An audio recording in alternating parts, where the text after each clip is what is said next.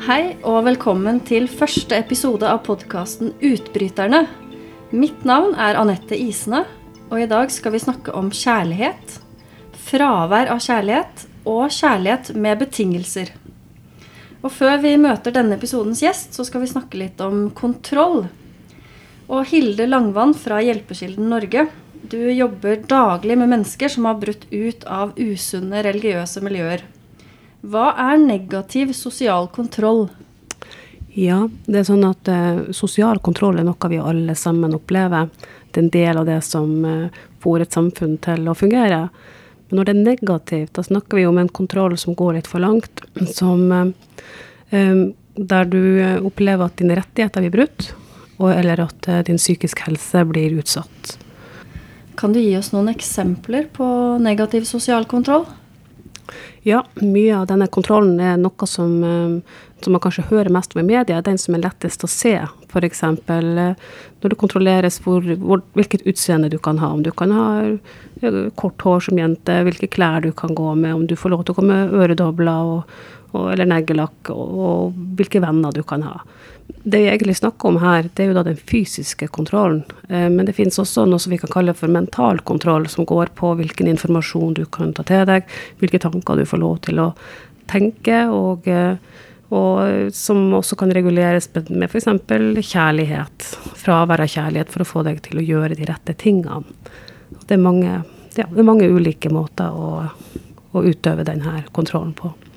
Vi har fått besøk av Nina, som har vokst opp i et religiøst fellesskap preget av negativ sosial kontroll. Tusen takk for at du ville komme hit i dag. Takk for at jeg fikk komme. Kan du fortelle oss uh, litt om oppveksten din? Eh, både ja og nei.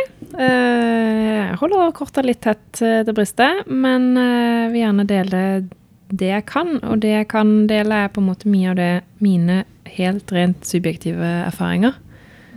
Jeg vokste opp i en eh, på mange måter eh, et trygt hjem, og eh, med, med mange gode rammer for aktiviteter og venner og sånn.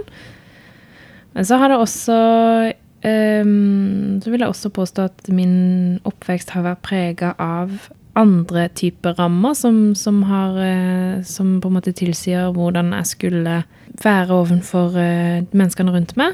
Eh, men også hvordan jeg skulle tenke.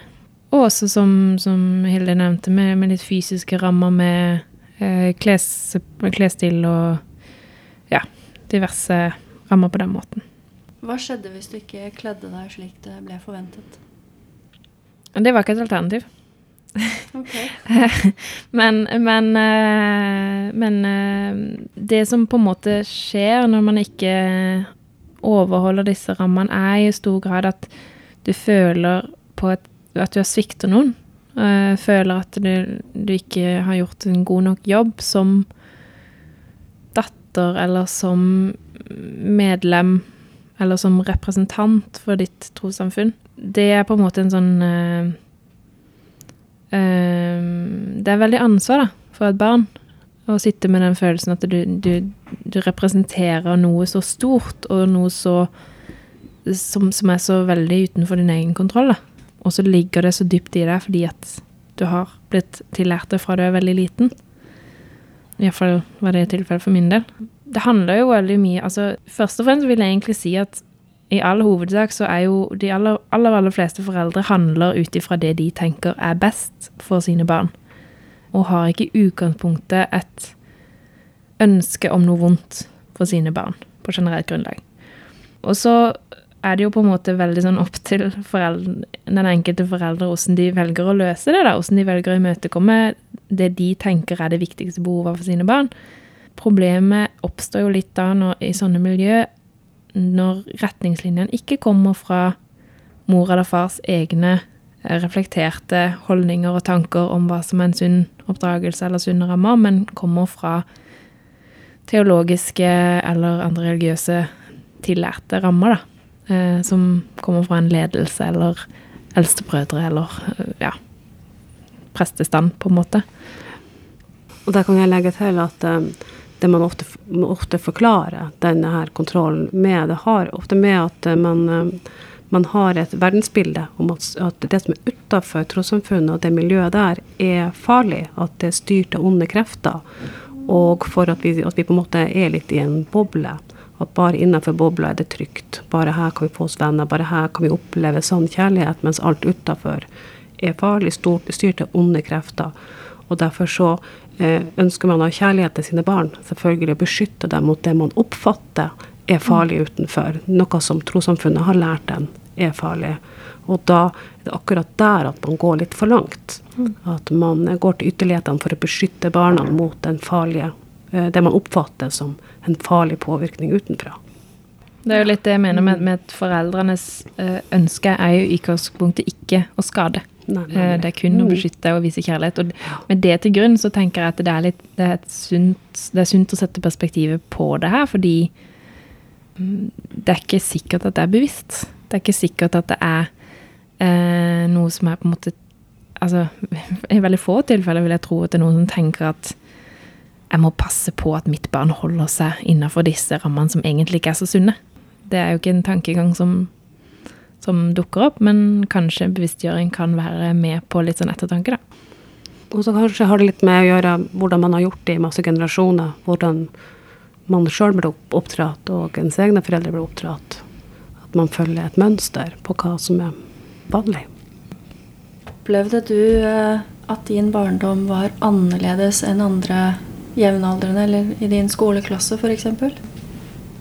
Som jeg nevnte i stad, så, så opplevde jeg veldig tidlig at jeg var en representant eh, for noe stort. Eh, for en stor hemmelighet, en stor sak. Og på den måten så, så var jeg òg veldig opptatt av at det Jeg ble jo tillært at Gud så meg, uansett hvor jeg var.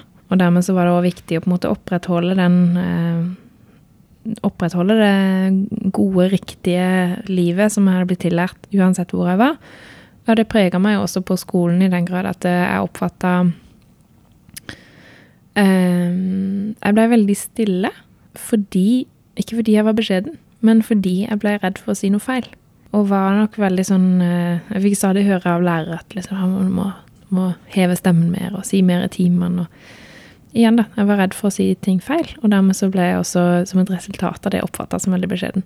Og så var jeg jo også Jeg fikk jo ikke lov til å være med på eh, aktiviteter som var utenfor fellesskapet. Og det kunne jo være alt fra skoleturer til skoleball til bursdager eh, innimellom, og eh, flere sånn eh, altså samlinger, da, eller, eller sportsaktiviteter for den saks skyld. Det skulle holdes innad i fellesskapet. Um, og dermed så ble det òg veldig eh, Fikk veldig sånn begrensa relasjoner da, til de som var i skolehverdagen og i det får generelt et veldig sånn syn på at eh, vennene du har, de skal være de riktige vennene, de sanne vennene.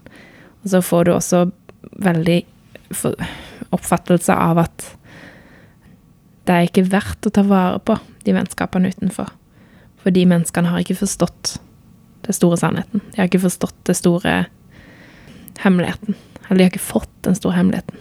De har ikke vært så heldige som det. Og så gikk jeg jo samtidig og var veldig misunnelig på at de fikk lov til å leve så friliv. Så det var en veldig sånn paradoks, egentlig. Ja, for det har jeg tenkt litt på også, for jeg har hatt en jente i klassen som ikke fikk lov til å feire bursdager og sånn. Og tenkt hvordan, hvordan føles det å være på den enden da, og ikke få lov til å feire sin egen bursdag eller delta i andres bursdager? Hva, hva tenkte du om det?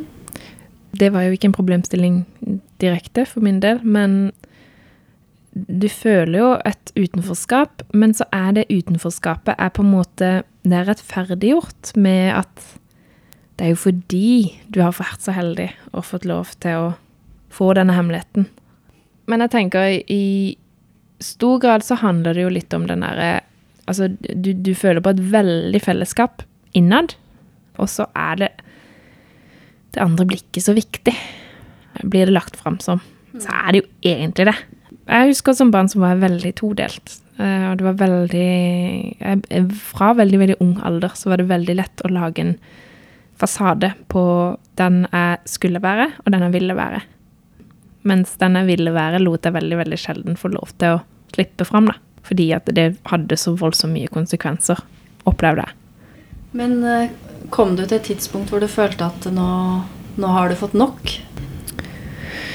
Eh, det gjorde jo nødvendigvis det. Jeg har jo forlatt eh, miljøet. Men det vendepunktet kom ikke før etter jeg hadde levd egentlig flere år med tosidig liv. Det var jo ikke på en måte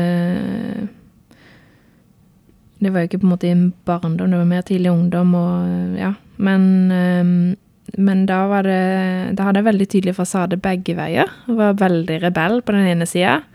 Og veldig behov for en sånn slags utfoldelse der. Og så var jeg veldig flink pike innad i miljøet. Og så var jeg flink til å sjonglere med de, og var fryktelig flink til å lyve. Noe som hun har prega meg siden. Og den eh, Og det, det, var rart, for når jeg da forlot miljøet, så hadde jeg jo ingen restriksjoner verken fra den der rebellrollen eller fra den flink pike-rollen. Da kunne jeg bare være meg sjøl. Og det å finne den identiteten var ekstremt vanskelig. Fordi jeg aldri hadde på en måte fått lov til å sitte ned og tenke på hvem jeg er. Hvem, og reflektere på liksom hvem, hvem jeg er som selvstendig menneske utenfor et miljø. Så du har tatt på deg en rolle på en måte i, gjennom oppveksten? Ja, det vil jeg si i veldig stor grad. Uh, og, men, men, så er det jo Jeg tror det er viktig å huske på at det, altså, vi har jo roller alle sammen. I større og mindre grad. Problemet med, eller utfordringer med disse, disse rollene som, som, går på det der med, med, litt negativ sosial kontroll, er jo at det som jeg sa i stad, at du, du blir prega på at Gud ser deg overalt. Og det, det preger tankelivet ditt. Det preger hele måten du ter deg på. At du skal på en måte oppfylle den den rollen som er tillagt deg fra noen andre, som du ikke sjøl har på en måte valgt å gå inn i. da. Og det er der det blir et sånn Kan bli, iallfall for min del, så ble det et stort sprik mellom den rollen og den jeg egentlig var. Men du har i dag eh, brutt med det fellesskapet du en gang var medlem av? Mm. Det har jeg. Jeg aldri angra på det. Men det har jo vært eh, Det har vært en reise. På mange måter en fascinerende reise, fordi jeg har lært veldig mye om meg sjøl. Og mm, lært, eh, reflektert mye over mitt eget liv. Og så har jeg tillært meg noen Jeg har på en måte reflektert rundt hvilke verdier jeg sjøl tar med meg, da. Eller ikke tar med meg, alt dette sånn. Som forelder sjøl så merker jeg at jeg tar veldig med meg den derre eh, En viss sånn uh, ærbødighet overfor at mine barn skal være selvstendige mennesker og få lov til å være akkurat de de er. Um, uten at jeg skal tillegge de en rolle på den ene eller andre måten. Og det er jo Det er et veldig sånn sterkt verdivalg jeg har tatt, men i praksis så, så er det jo ikke uh, mulig å oppdra et barn uten å forme dem. Og det er vanskelig å stå på en måte i den uh, balansen med å ikke, ikke føle at jeg dytter for mye på dem, men samtidig være med og eh, lede dem gjennom livet. Det tenker jeg kommer til å være en utfordring alltid, egentlig. Men det er òg en fin utfordring, for det er jo en fin reise, på en måte. Så lenge jeg er bevisst på det. Men tilbake til, eh, til bruddprosessen. Mm. Kan du fortelle litt om uh, hva du gikk igjennom for å, for å bryte? Jeg tenker at det krever Det krever en del selvrefleksjon å forlate et sånt miljø. Og det krever litt mot. Jeg var litt heldig i den grad at jeg ikke forsto helt hvor store konsekvensene kom til å bli. Eh, og den litt naive ideen om at eh, familie er familie, og eh, at de som, er, de som, er, glad i meg, de holder seg nærme. Den eh, fikk jo prøvd seg, for all del, men, men den gjorde at jeg hadde mot til å gå. Og så, når jeg da først hadde forlatt, så var det litt lettere å ta konsekvensene av det. For da sto jeg mer selvstendig. Men jeg skal ikke legge skjul på at det var tøft. Jeg skal ikke legge skjul på at det var fryktelig vanskelig å se at de nære relasjonene hadde hatt, forandra seg over natta. Og merke at varmen i blikket ble bytta med skepsis selvfølgeligheter som på en måte relasjoner du har, blir bytta med en sånn Hvis du skal beholde dette, så må du respektere dette og dette. det ble satt rammeverk for at jeg fikk lov til å beholde relasjonene jeg hadde. Uten at jeg sjøl fikk noen respekt for den jeg var. Jeg fikk ikke lov til å lage noen regler for hvordan de skulle behandle meg. Det var på en måte ikke Det var ganske gitt at det var ikke en del av den pakka, da. Da er det jo Det er jo en balanse, da, med å velge sine kamper, som man sier. Jeg har jo Jeg har hatt mine kamper, og jeg har tatt tak i noen ting, og så har jeg latt noen ting ligge. Eh, da har jeg gjort en vurdering fra sak til sak om er dette er dette viktig og at det blir anerkjent, eller at det skap, kan potensielt skape splid, eller er det noe jeg kan la gå? Og så er det jo da en på en måte en prosess å ikke gå og være bitter over de kampene man ikke har tatt. Så hvilke konsekvenser har det hatt for deg? Det har hatt både positive og negative konsekvenser. Det har, eh, de positive konsekvensene er jo at jeg har fått lov til å bli kjent med meg sjøl på en ny måte. Jeg har fått lov til å gjøre den reisen individuelt og selvstendig. Og med det blitt mer lik det mennesket jeg ønsker å være. Og så har jeg blitt litt mindre selvkritisk. For det er jo noe Altså, jeg vokste jo opp med veldig stor grad av selvkritikk. At en skulle Eller selvransakelse, vil jeg egentlig kalle det. At det, litt den der veldig janteloven eh, Det ligger veldig nært til teologien med Man skal ikke tro man er noe, og i alle fall ikke på egen hånd. Da er det ved hjelp av Gud. Og eh, på en måte Du skal ikke tro at det du har oppnådd, er godt nok. Det ligger veldig nært. Det sitter jo i. Det er en prosess å på en måte faktisk bli litt glad i seg sjøl igjen og si at vet du hva, søren, det har jeg fått til. Det har jeg fått til, og det kan jeg. Det vet jeg at jeg kan. Og det er jo en positiv konsekvens som kommer ut av det, at jeg tør å si at du, det er dødsflink til, liksom. Men de negative konsekvensene er jo òg noe som ligger i, og det er jo alt fra at, som jeg nevnte i stad, at relasjonene endrer seg over natta, og at det tar lang tid å bygge opp igjen tillit, og det tar lang tid å bygge opp igjen eh, gjensidig respekt. Ikke minst så tar det veldig lang tid å Og jeg vet ikke om jeg noen gang kommer til å komme til det, men det, men det tar veldig lang tid å anerkjenne at den kjærligheten som jeg følte, falt bort med en gang jeg tok et valg som ikke de var enig i. At det går an å bli møtt med ubetinga kjærlighet. For det, noe, det, er noe som på en måte både har prega meg, som har skada meg litt, tror jeg. At uh, er det vanskelig for å Altså når jeg ble møtt med motstand for mitt veldig, veldig personlige individuelle valg, så opplevde jeg veldig den der at kjærligheten, den er betinga av at du blir i miljøet. Og når jeg opplevde det, at å ja, så denne kjærligheten er ikke selvsagt. Den relasjonen er ikke gitt. Så gir jo det en mistillit til mennesker generelt. At det er vanskelig å tro at uh, noen kan elske meg betingelsesløst, og ikke minst, det er vanskelig å tro at jeg kan elske noen betingelsesløst. Så det er jo noe jeg har gått mange, mange runder med meg sjøl om. Og igjen spesielt etter at jeg ble forelder sjøl. Kan jeg, er i stand til å elske mine barn betingelsesløst, uavhengig av hvilket valg de tar senere i livet? Og mitt svar på det i dag er ja. Fordi, i mye fordi at jeg har tatt et valg om å være den personen.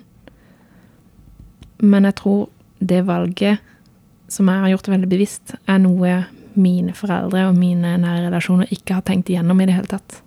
Jeg tror aldri de har tenkt igjennom om min kjærlighet til de rundt meg er betingelsesløs. Hva, Hilde? Du møter jo mennesker daglig. Eller snakker med, i hvert fall. Og er det noe du kan kjenne igjen, det Nina forteller her? Ja, altså i Hjelpekilden så driver vi jo en del eh, samtalegrupper.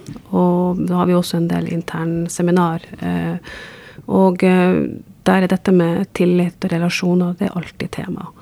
Dette med å ha mista eh, et nettverk, mista familien sin pga. at du tok et ærlig valg, det gjør at det påvirker dine fremtidige relasjoner.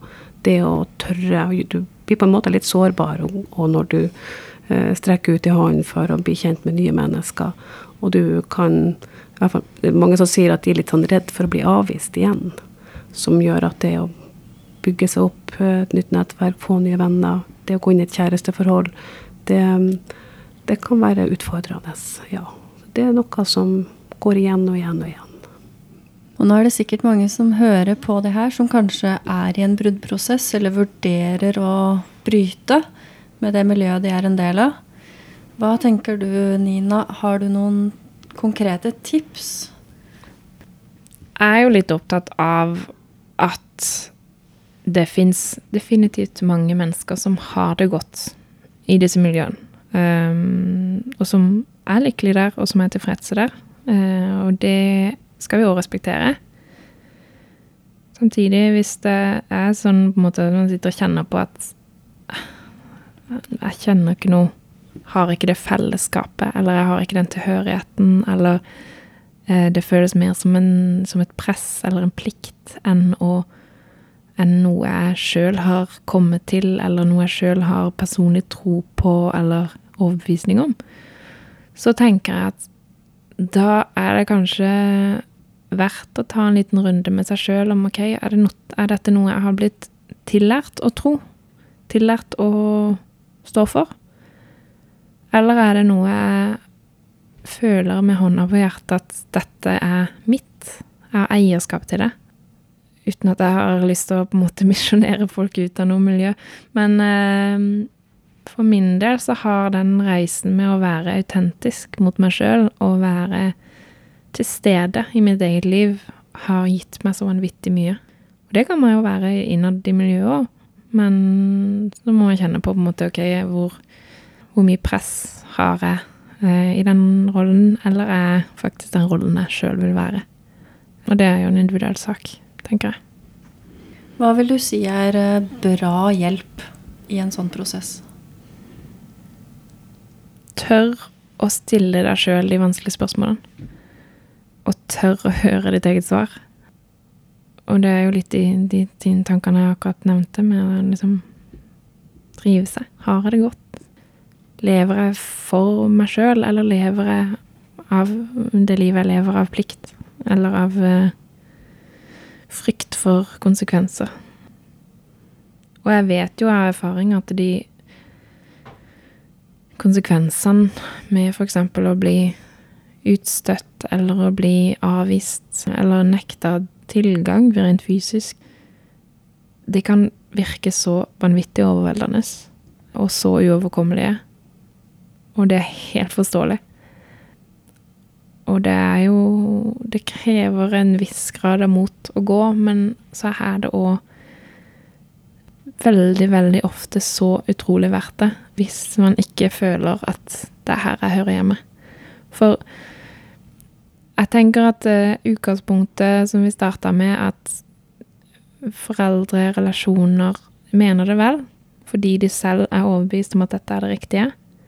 Og det er bra, men det skal også være Det bør også være et visst rom for uh, Et stort rom for tvil, egentlig. Og det bør være et rom for å ta selvstendige, individuelle valg uten at dette er uten at det er på en måte noen andres sak. For det er jo egentlig bare min sak hvor jeg hører til. Og det tror jeg kan være viktig å minne seg sjøl på. Ja, det var veldig gode tips. Og jeg forstår jo også at det er vanskelig for, for de som uh, har vokst opp i et miljø, og da kanskje må gi slipp på hele sin familie mm. for å bryte. Så hva gjør, uh, gjør personer? Uh, Hilde, du kan kanskje svare på det. De som står helt uten nettverk? Ja, jeg tenker at det er den verste uh, utgangspunktet i en sånn situasjon, å, å, stå alene. For da legger det grobunn for så mye annet som du kan slite med, depresjon f.eks. At det går på den psykiske helsa løs. Så det er viktig å, å, snakke med noen andre. Om du ikke er helt um, komfortabel med profesjonell hjelp, så går det an å ta f.eks. kontakt med Hjelpekilden, som gjør at du kan få prate med andre som har gått gjennom akkurat det samme som deg. Som kan være noen som du kan snakke med, noen som kan lytte, og kanskje få råd med. For at um, mange de mm, erfarer det at um, de bærer på mye um, skyld, og tenker at hvis jeg bare hadde vært annerledes, hadde jeg bare vært flinkere, hadde bare bedt mer, så hadde det blitt annerledes. Og det å snakke med andre og få vekk de her følelsene at det er noe feil med en sjøl, det tenker jeg er et fint utgangspunkt. Så du slipper å stå alene i akkurat det der. Jeg biter meg litt merke i at du sier at eh, de har gått igjennom akkurat det samme. Og det er litt fascinerende, for det er jo veldig, veldig individuelle prosesser. Så er det samtidig så utrolig like følelsesspekteret. Og det er så mange like, like steg på veien som man må gå for å liksom bli litt sånn fri fra de her tankene som har bundet deg i så mange år, på en måte. Og det, det å på en måte eh, Det å vite det, da. At det er faktisk andre som har kjent på den her Oi, jeg hører jo ikke til noe sted. Og det er noen andre som har kjent på Ja, men har ikke livet noe mening, da? Er det, er det ingen mening, da? Eller som på en måte var litt tema i dag Går det an at noen kan være glad i meg? For den er utenfor fellesskapet. Og på en måte de, de følelsene er gjenkjennelige for mange. Det syns iallfall er litt sånn Litt trist og litt fascinerende. At nesten uavhengig av hvilket fellesskap man kommer ifra, så er det mye likt.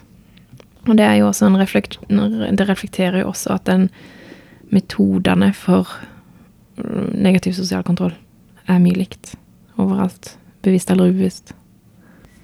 Så Nina, hva er eh, veien videre etter et uh, sånt brudd?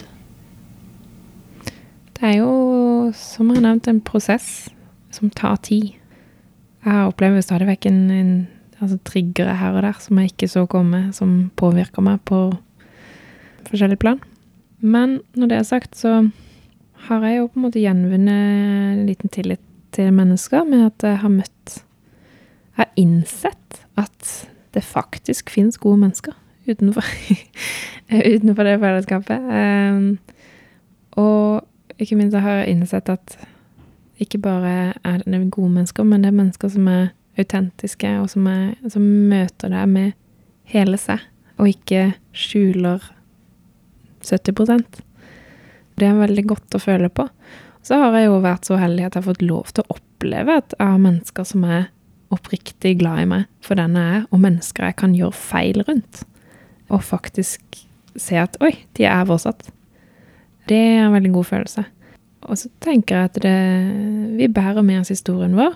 Um, det gjør vi alle sammen. Alle har en reise. Men det viktigste vi kan gjøre med historien vår, er jo som kjent at vi kan lære den å vokse på Ikke på, grunn, på tross av, men på grunn av historien vår.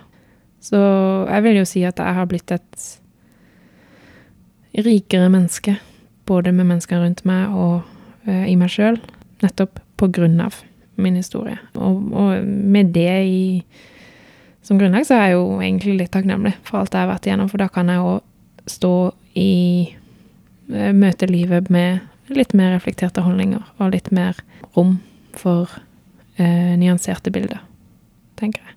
Vi må, vi må, være flinkere til å lytte til hverandre. Vi må være flinkere til å lære av hverandre. Og til å på en måte ha en Altså, det krever litt av oss, men jeg tror det kan være et godt utgangspunkt å ha en grunnleggende tillit til de vi omgås. Det er noe man må jobbe med.